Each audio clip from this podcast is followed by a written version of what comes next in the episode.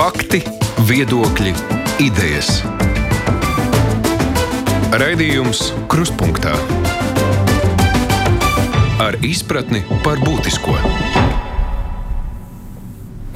Sveicināti redzējumā Krustpunktā. Šoreiz studijā būšu es, Kārlis eh, Dagilis. Latvijas ekonomika otrajā ceturksnī ir būtiski sabremzējusies, lai neteiktu, ka esam jau recesijā. Eh, inflācija ir augsta, algas arī pieaug, eh, bezdarbs samazinās, Tikmēr centrālās bankas Eiropā un Amerikā ceļ procentu likmes kredītiem. Krievija turpina samazināt eh, gāzes piegādes eh, Eiropai, arī Latvijai Gazprom jau paziņoja, ka gāzi vairs nepiegādās. Tikmēr iedzīvotāji gatavojas eh, jaunajiem apkuras sezonai, rēķiniem ziemā, bet politiķi gatavojas saimnes vēlēšanām. Nu, es centos vienā rinkopā pateikt visu šobrīd esenci, kas varētu ietekmēt iedzīvotāju maciņu biezumu kas un kāpēc notiek un kā uz to reaģēt gan cilvēkiem, gan arī Latvijas valdībai. Uh, mums šodien palīdzēs uh, saprast Seba bankas Latvijā makroekonomists Dainis Gašpuitis. Labdien! Labdien! Nu, Nu, pat arī ziņās dzirdējām, jaunie apkurss rēķini pie inflācijas, kas ir uh, ļoti augsta, 19,3%. Tāda tā nebija arī uh, 2008. gadā, pirms lielās ekonomiskās krīzes vai dišķibeles. Tas taču šie rēķini un sadārdzinājums nepalīdzēs inflācijai mazināties. Nu, katrā ziņā nu, inflācija jau atspoguļo to, kas notiek enerģijas cenās. Ja?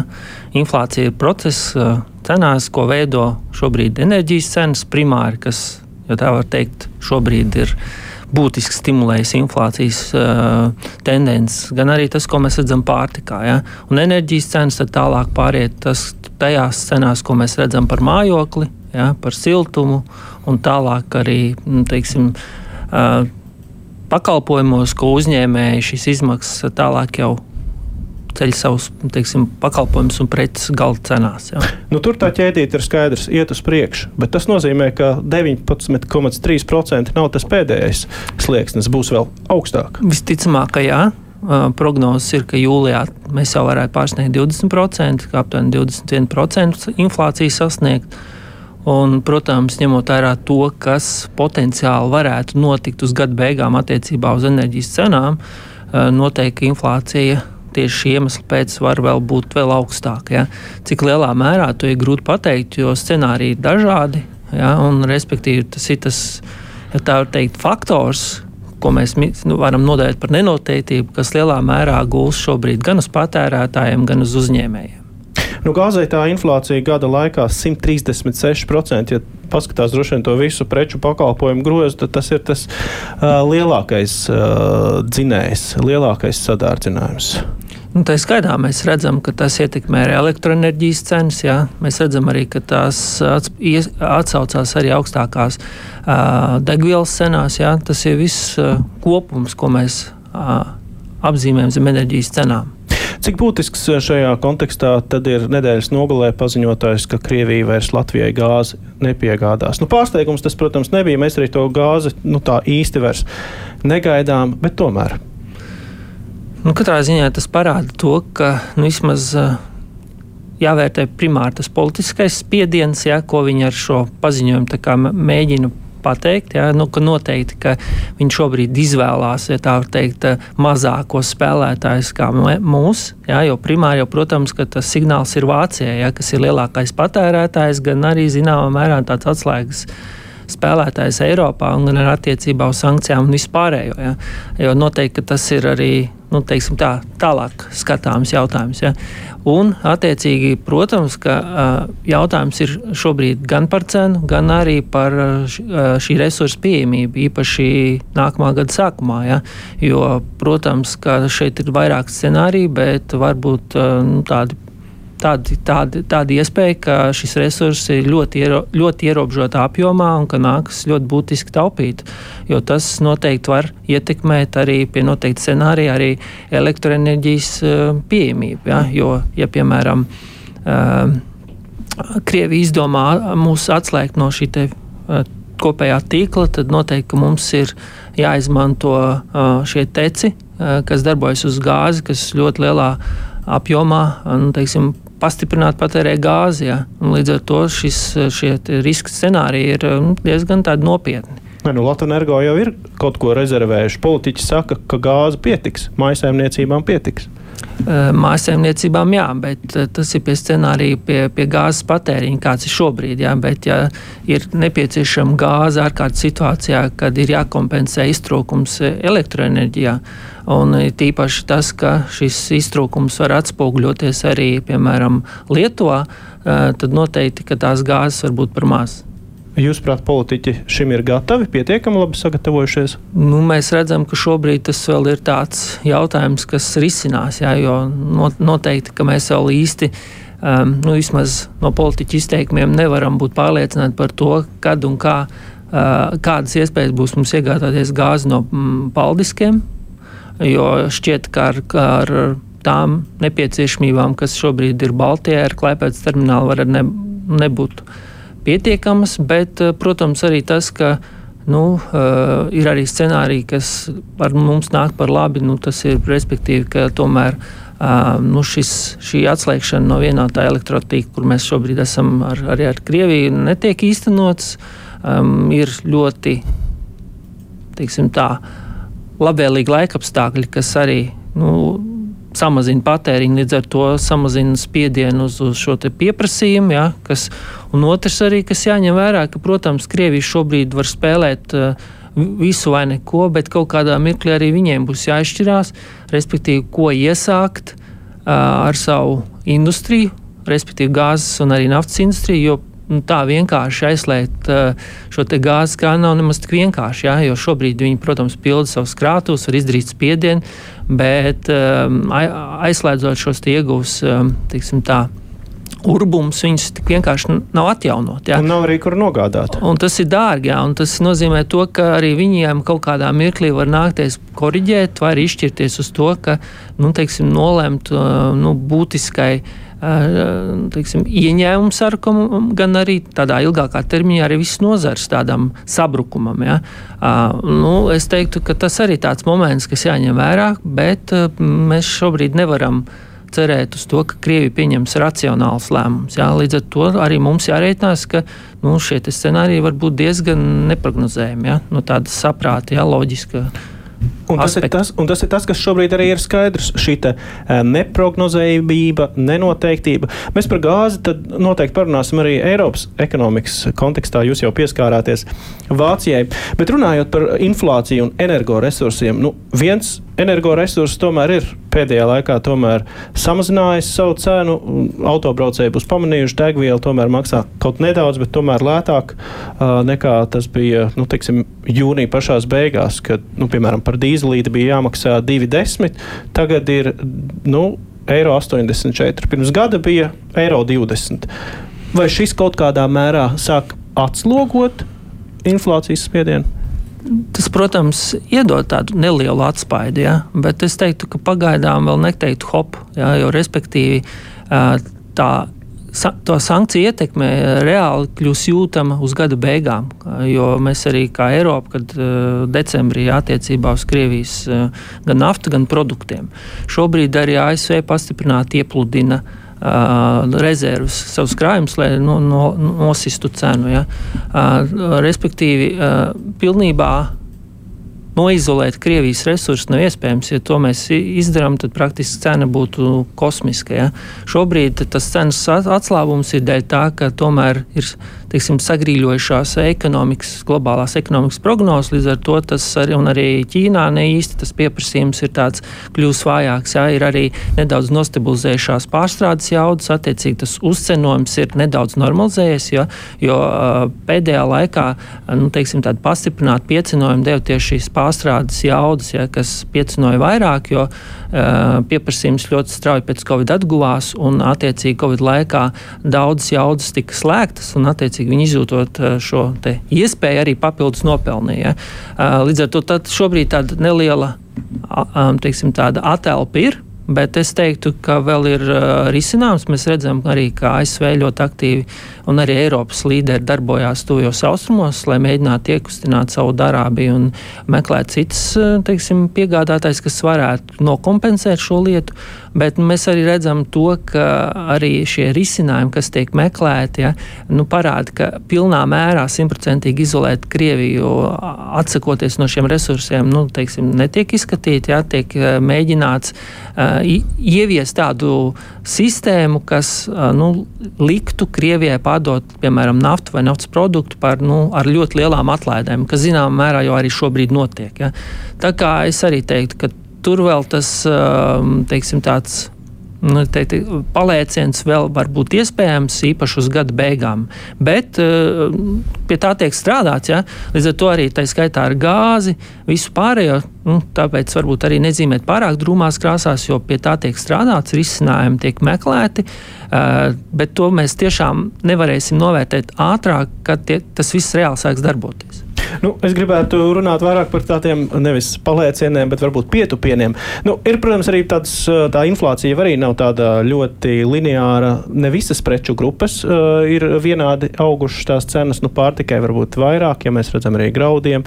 Uh, Bet ir arī, piemēram, preču grupas pakalpojumi, kur cena tā arī palikusi. Nu, piemēram, vilcienu biļeti. Viņi nemaksā dārgāk. Viņi tā kā maksāja pirms diviem gadiem, tā viņi maksā šobrīd. Ātro, viens no populārākajiem ātro mm, ātrās ēdināšanas uzņēmumiem Latvijā. Nu, viņš arī nav mainījis būtībā to cenu politiku. Tā kā tur droši vien varētu skatīties arī vēl uz kādām uh, preču grupām, kas varētu nu, teiksim, būt joprojām stabilas, uh, varbūt arī nedaudz uh, kristies. Uh, Bet uh, inflācija, protams, ir tikai viens tāds uh, makroekonomisks uh, rādītājs, uz ko ekonomisti uh, skatās un vērtē, lai izmērītu to temperatūru. Šobrīd uh, viens cits ir svarīgs, ir uh, iekšzemes koprodukts. Un, uh, nu, Latvijā tas ir uh, šobrīd samazinājies nu, no pirmā ceturkšņa uz otro. Ir mīnuszīme pirmo reizi. Nu, gada griezumā tā izaugsme joprojām saglabājas, bet nu, tāda, nu, tāda jau 2, cik bija ja, tie procenti? 2,8, ne 2,6.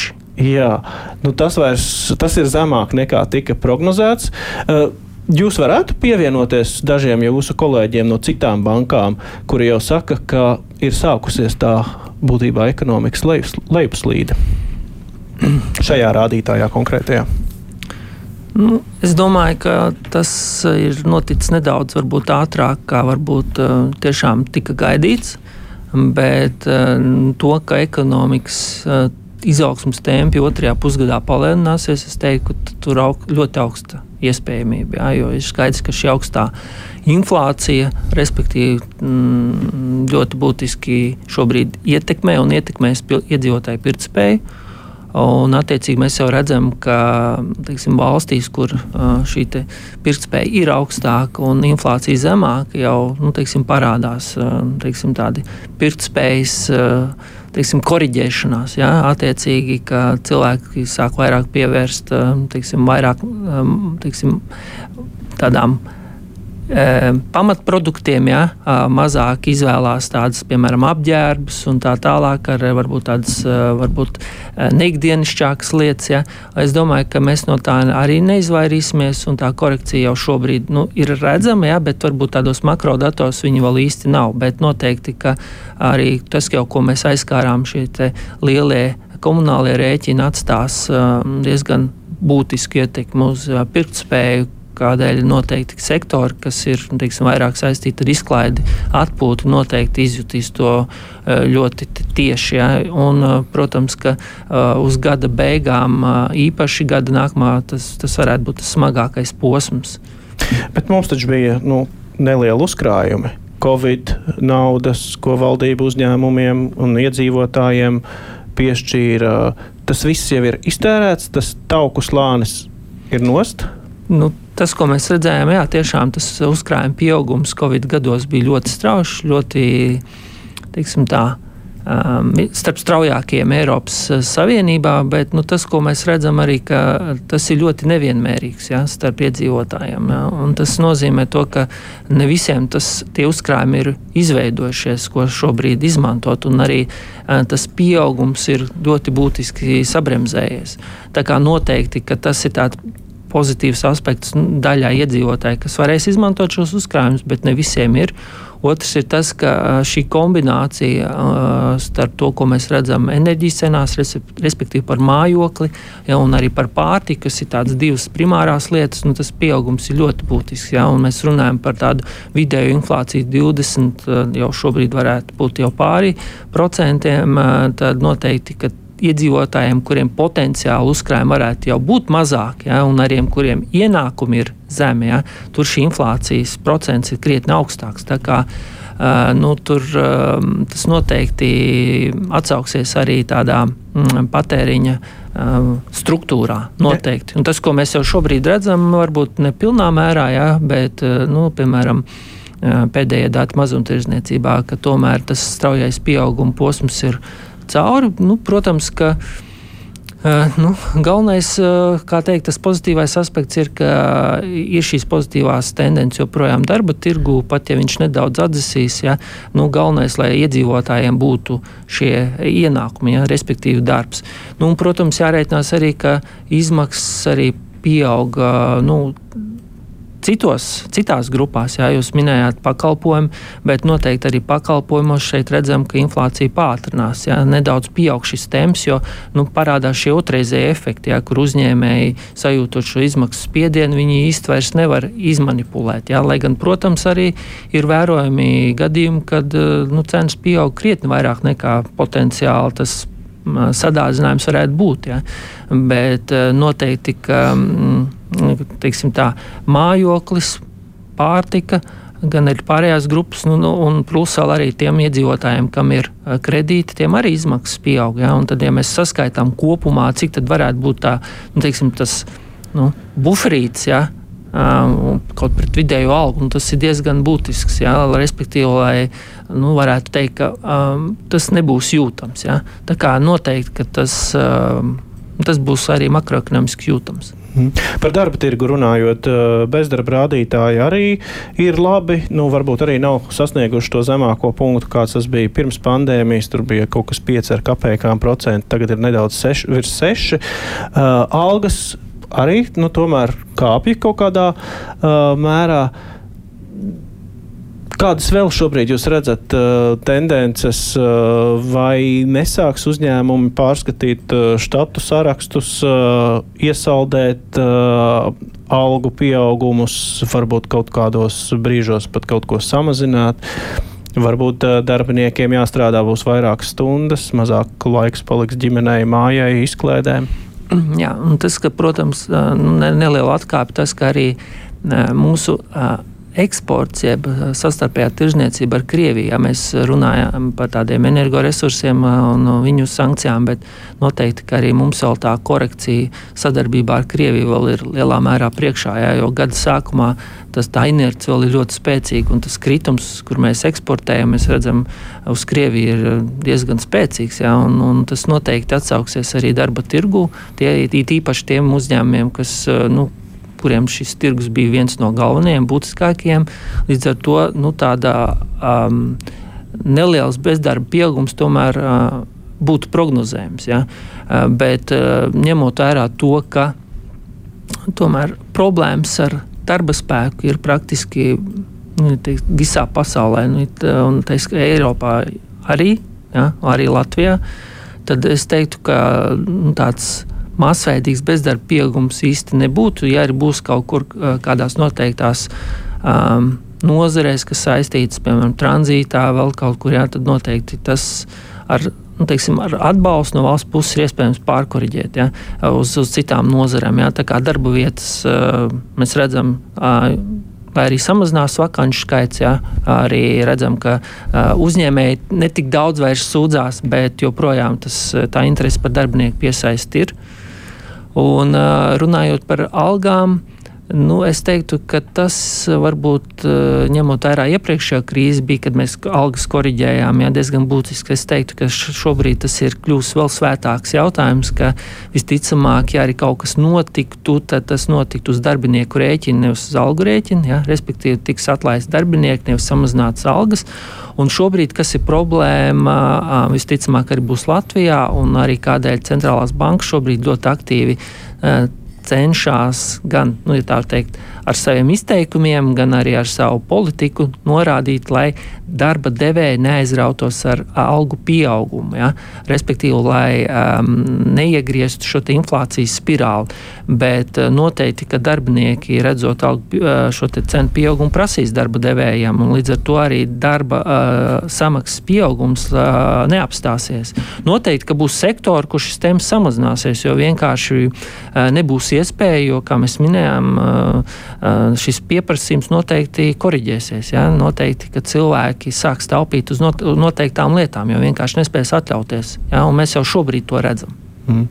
Viens tāds risinājums, es jau arī pieminēju, vienkārši strādāt vairāk darba stundas un to produktivitāti palielināt. Nu, tas varbūt nav patīkami darbiniekiem, bet ja mēs joprojām turpinām eksportēt, ja mēs gribam šo iekšējo patēriņu noturēt, tad eh, nu, tas varētu būt risinājums eh, nu, to algu varētu celt, bet tam pretī ir arī kaut kāds eh, nu, pievienotā vērtība, ne tikai tāpēc, ka ir inflācija.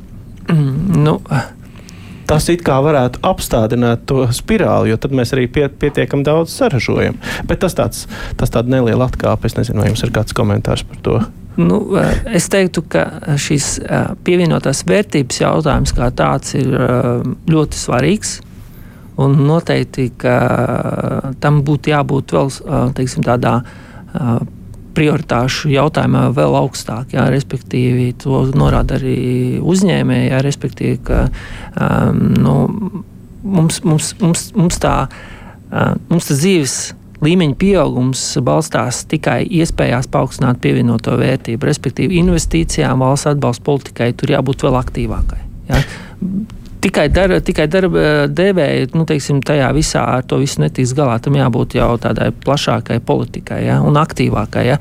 Tādās plānu un projektu līmenī noteikti mums viss ir, ja, bet noteikti tādā īstenošanas līmenī noteikti tas, ir, tas prasa vēl aktīvāku rīcību. Jūs vairākas reizes pieminējāt valsts atbalsts, valsts politika. Reku jūsu kolēģis Pēters Strautiņš no Luminora bankas raksta, ka valdība esot pārcentusies ar ekonomikas nestimulēšanu šajā laikā. Jūs piekrītat?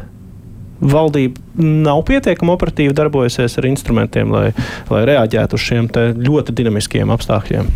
Nu, es teiktu, Covid laikos, un arī skatāmies plašākā mērā, Covid gados varbūt tas atbalsts bija diezgan labs, ja tā var teikt, pat varbūt nedaudz pārspīlēt, kas zināmā mērā arī bija pamats uh, tādai pastiprinātas inflācijas um, uzrāvienam. Ja. Uh, šobrīd es teiktu, ka tas fokus tiešām varētu būt uh, saistāms ar to, ka uh, būvniecībā uh, apstākļi nav tādi, lai nu, teiksim, viņu atturētu no uh, krituma.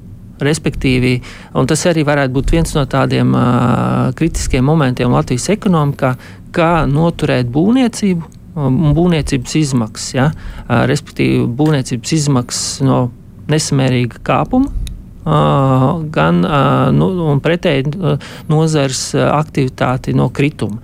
Ja, šeit noteikti prasījās nedaudz raitāku izlemšanu nu, attiecībā uz daudziem projektiem, ja, pašvaldības un valsts projektiem, kur nu, tomēr prasījās saprātīgs um, teiks, risinājums, ja, lai darbi turpinātos Uh, un tiktu atbilstoši indeksēt šīs izmaksas. Bet vai to Rail Baltica projekts nekompensē daļēji?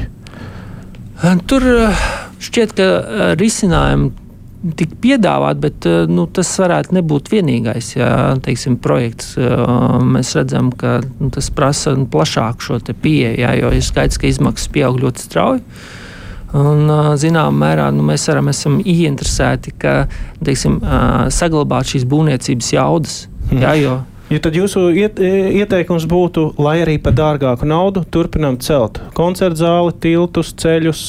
Mm, jā, jā, lai, protams, protams te prasītos ļoti pragmatisku pieeju. Lai nebūtu tā, ka tur mēs vienkārši uzmetam kaut kādu procentu vai akceptējam visu, jā, bet saprātīgā uh, teiksim, mērogā noteikti. Ja, jo, jo, ja paskatāmies uz priekšu, mm, Protams, šobrīd daudzas izēvielas, tā skaitā, kas skar būvniecību, samazinās. Jā, ir Viņas, protams, nav tajos līmeņos, kas bija pirms šīs straujās augšupējas, ja, bet šī lejuplīde ir. Līdz ar to nosacījumi uzlabojas, bet, ja paskatāmies, kas mūs teiksim, tā, kādas ir perspektīvas attiecībā uz enerģijas cenām, gan arī to, ka um, tomēr um, Ukraiņas karš agrāk vai vēl beigsies, un atjaunošana vispārējais pieprasīs ļoti milzīgus resursus. Tas nozīmē, to, ka nu, tāda izteikta krituma varētu arī nebūt. Un otrs, mums tā nauda arī, kas pienāk no atjaunošanās fonda, ir. Tā kā nu, gaidīt un cerēt, ka kaut kādas nu, tādiem būtiskiem kritumiem nu, es šobrīd nepaļautos. Līdz ar to nu, saprātīgā teiksim, amplitūdā tas būtu akceptējams. Ja, jo, nu, ir, jo ir ļoti grūti un, un neizdevīgi apstādināt daudzus projektus, vai arī nozari, ja, un pēc tam mēģināt iekustināt atkal. Ja, jo mēs šeit šobrīd redzam, ja, kad nu, teiksim, to darbinieku skaits, kas atra, bija nozarē pirms 2008. gada ir krietni mazāks, un liela daļa ir Eiropā. Tas ir resurs, ko šobrīd pie, pieprasa un meklē visa, teiks, visa Eiropa, visa pasaulē. Un tādēļ mums ir svarīgi noturēt, noturēt šo uh, nozares aktivitāti, gan arī darbiniekus nozarē. Mm. Es atgādināšu mūsu klausītājiem un skatītājiem, ka mums studijā ir Dainis Gašpuits, Seibankas Latvijā makroekonomists. Jūs pieminējāt arī atvesaļošanās fondu, kas tika izveidots, lai stimulētu Eiropas ekonomiku pēc uh, Covid, lai varbūt digitalizētu, lai zaļo ekonomiku vairāk iedzīvinātu. Tagad šīs naudas un šie ieplānotie projekti neizskatās mazliet uh, tādā neakordā ar, ar, ar, ar visu to, kas notiek apkārt, ar Ukraiņas karu. Uh, tur nevajadzētu korekcijas pašai Eiropai ieviest, vai mēs varētu kaut kādā veidā šo naudu izmantot kādām, nezinu, pa labi vai pa kreisi? Es teiktu, ka tie. Uh, Uzstādījumi jau nekur nemainīsies. Ja? Tā ir tā digitalizācija, kas mums palīdz uh, daudzām lietām tikt galā efektīvāk. Uh, tur mēs redzam, ka piemēram tas pats DESI indeks, kur, kur mēra digitālās teiksim, prasmes attīstības līmeni Eiropā mēs esam nu, teiksim, tādā otrajā pusē, eh, ja sadala eh, valstis. Ja, eh, bet tur ļoti virsvidējā ir valsts un pašvaldību šie projekti. Ja. Tur mums privātais sektors, teiksim, iedzīvotāju prasmes ļoti teiksim, tā, atpaliek no vidējā. Tā kā tas, tur investīcijas ir vajadzīgas un, un, un tur laikam īsti, es teiktu, nekāda atlikšana nebūtu. Ja mēs skatāmies uh, šo otru virzienu, um, kas uh, saistās ar, ar zaļo kursu, nu, tas pēc būtības šobrīd ir vēl prasītos vēl, vēl, vēl tādu sparīgāku aktivizēšana, ja, jo ir skaidrs, ka vēja ģenerators, saules paneļi, mazinātu to gan īstermiņā, gan ilgtermiņā mazinātu uh, krīzi energo. Jā, līdz ar to šobrīd es teiktu, ka tas fonds ienāk pat varbūt laikā, zināmā mērā, ka tas ir nepieciešams. Nu, cita lieta ir tas, ka, protams, izaicinājumi ir kļuvuši sarežģītāki, jā, jo, lai īstenot zaļo kursu, ir nepieciešams liels apjoms metāla kas savukārt eh, nu, mēs saprotam, ka liela daļa metāla importējām no Krievijas un atkal eh, to visu pārkārtot un pielāgoties. Un, eh, nu, tas arī prasa zināms, zināmu laiku, bet noteikti, ka es teiktu, ka te prasītos lielāka aktivitāte no valsts, teiksim, mums pašiem, ja, tajā visā, jo ir skaidrs, ka šobrīd varbūt ir neliela atkāpe notikusi, ja, ka mēs tagad atgriežam ogļu jaudas, spēkstacijas un tā tālāk, ja, bet, bet zaļais kurs un tās investīcijas drīzāk šobrīd prasa vēl pastiprināt investīciju, un es teiktu, ka nu, pašreizējā situācija nu, ir sakustinājusi ne tikai varbūt tādu, teicim, tādu pašvaldību valsts līmeni, bet nu, gan arī katru no mums, ja, ka mums katram jādomā, ko un kā darīt, ja, lai mums šie rēķini nebūtu tik uh, milzīgi. Jā. Atkāpes no zaļā kursa ir notikušas arī citā valdības lēmumā, proti par uh, koku zāģēšanu, mežu zāģēšanu, jaun, jaunāki, uh, tievāki koki. Kā jūs kā ekonomists skatāties? Nu, tas tomēr ir mūsu zaļais zelts. Mēs varam eksportēt, mēs varam iegūt līdzekļus, bet tajā pašā laikā ainava, daudzveidība, nu, bioloģiskā. Es teiktu, ka katrai pusē ir, savi argumenti, bet nu, es teiktu, tā varbūt nedaudz uh, vispārnātāk, ka, protams, ka tas ir mūsu resurs, ar, mums, ar kuru mums jāprot apieties un, un pareizi izmantot. Jā, ir skaidrs, ka nu, teiksim, ainava ir laba lieta, bet mums šis resurs ir pareizi jāeksploatē. Ja? ja es paļaujos tomēr uz tiem ekspertiem, kas saka, ka tas neradīs kritisku šo situāciju, nu, es vairāk noslēgtos drīzāk par to, ka šis risinājums nu, nesagraus Latvijas dabu un, un ainavu. Ja? Es teiktu, ka arī nu, daudzos aspektos runājot tādās tiksim, privātās sarunās, es teiktu, ka nu, ļoti daudz šie nosacījumi ir, kas, kas tiešām ierobežo nu, tādu saprātīgu saimniekošanu, teiksim, nu, tādā nu, teiksim, konkrēt, konkrētos gadījumos, ja, kad es teiktu, ka tur nu, varbūt nu, teikt, tāds solis bija nepieciešams. Ja, bet uh, es teiktu, ka nu, ja tas tiešām parādīs šī te, šīs prakses negatīvos aspektus, nu, tad, protams, tas būtu jākoriģē. Un valdībai mērķis bija nu, daļai ar to arī mazināt spiedienu energo tirgu šīs te, šķelda, ar ko varētu kurināt un siltuma apgādi. Ja, bet mēs redzam, ka tā šķeldai tā cena arī ir ļoti augsta. Lielu daļu mēs eksportējam. Protams, mēs no tā arī iegūstam naudu Latvijā, bet, bet tas mērķis netiek sasniegts. Varbūt teikt, atsaucināt iedzīvotāju maciņas maksājot par siltumu ziemā. Nu, skaidrs, ka nu, tā, tas, ar ko mēs sastopamies, to nevar atrisināt dažu mēnešu laikā. Līdz ar to ir skaidrs, ka arī tādiem,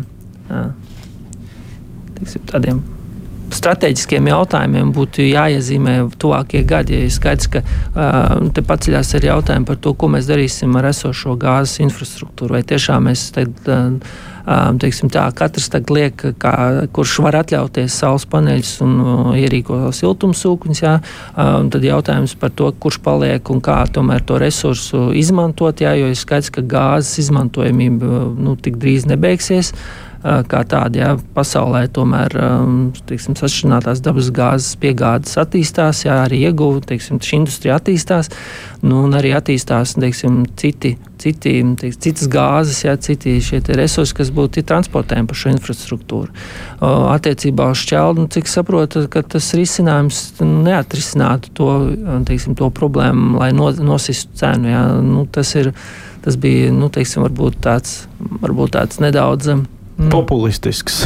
Nu, jā, varbūt tāds aspekts, kas, kas izgāja, varbūt uh, nomāca to, to pašu jautājumu, jā, bet, uh, bet uh, jā, katrā ziņā ir skaidrs, ka tas uh, fokus, ka mums vairāk jāizmanto vietējie resursi, varbūt ir kļuvis vēl aktuālāks, jā, jo līdz šim mēs tiešām varbūt arī dažādu politisku lobiju dēļ izmantojām resursus, kas nu, nebija mūsu, jā, to pašu gāzi un tā tālāk, un, protams, ka tas bija lēti un ērti. Uh, Jā, bet nu, katrā ziņā šis ir tas pagrieziens, kad mēs varbūt vairāk domājam, izjūt no tādām teiksim, savām iespējām un interesēm.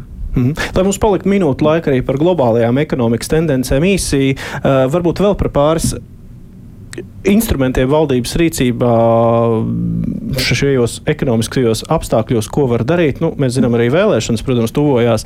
Eh, bet nu, kādi varētu būt tie instrumenti? Pensionāriem 13. pensija, ārstiem, skolotājiem lielākas algas, vai tieši otrādi - taupīt, eh, taupīt, taupīt. Mēs redzam, arī budžeta deficīts nedaudz jau nu, mazinās. Jā. Varbūt mēs neesam arī savas tās iekšējās valsts rezerves līdz galam iztērējuši. Tajā pašā laikā reka, kolēģis no Citadelas bankas saka, ar valsts atbalstu energoresursu izmaksu pieaugumam, jeb tiem 350 miljoniem, ja, kas šobrīd ir atlikti malā, nu, varētu arī nemaz ne, nepietikt, lai, lai tur visu kompensētu, kas jākompensē. Nu, katrā ziņā, protams, ka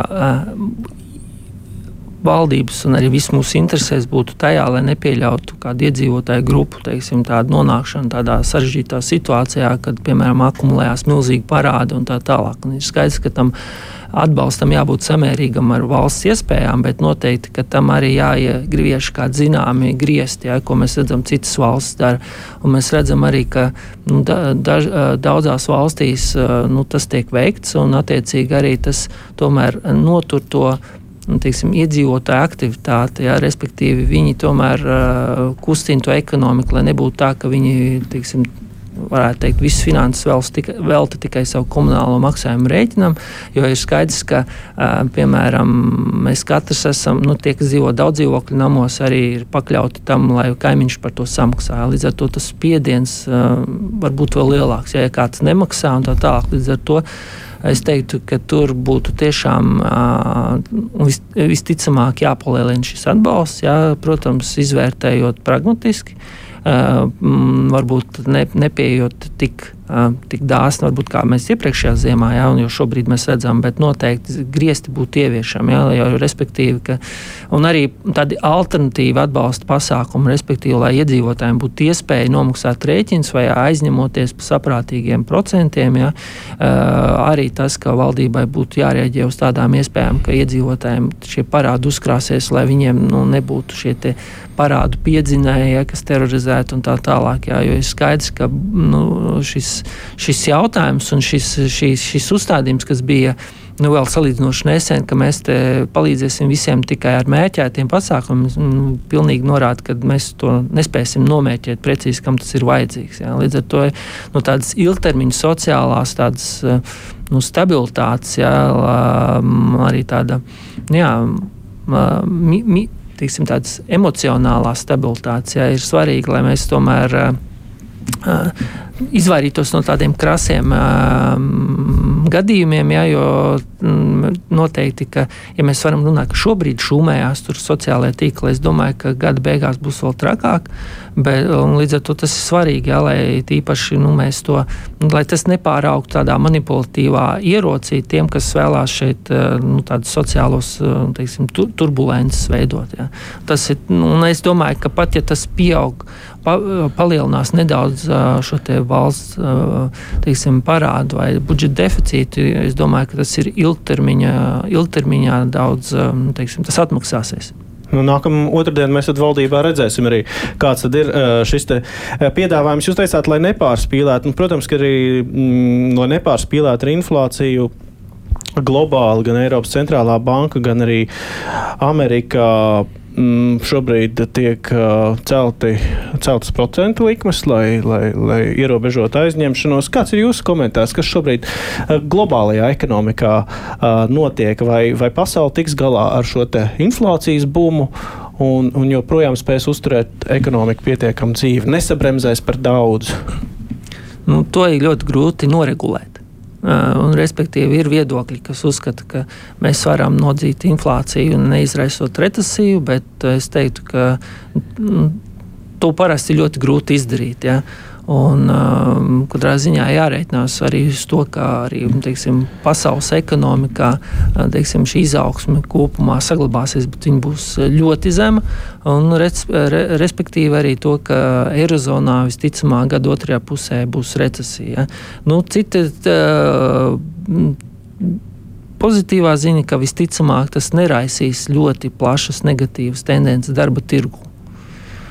Bet arī nu, no centrālajām bankām, nu, viņām, protams, ir nu, teiksim, uztic, savu uzticamību jāstiprina, ka viņi tā, cīnās, bet ar šo politiku ļoti grūti atrisināt tās problēmas un izaicinājumus, kas ir enerģijas tirgu un pārtiks cenās. Viņiem primāri šobrīd ir signalizēt darba ņēmējiem un darba devējiem, lai neiegrieztos šī inflācijas spirāli. Ja?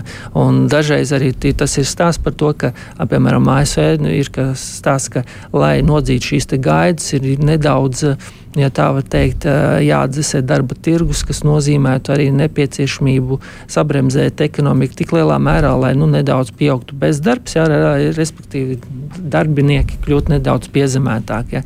Bet, kā mēs saprotam, to ir, nu, teiksim, ir ļoti grūti izdarīt no centrālās bankas puses, jā, lai, tas, lai viņi panāktu to, ka ir vilkspaidas un kaza dzīve. Ja. Tā kā ņemot vērā šis, šos izaicinājumus enerģijas un arī pārtiks jomās, visticamāk mēs piedzīvosim recesiju. Uh, bet es pagaidām atturētos teikt, ka mums sagaida tāda masveida krīze, ja, kad būtu ļoti smaga situācija darba tirgu, atalgojumā un tā tālāk. Ja.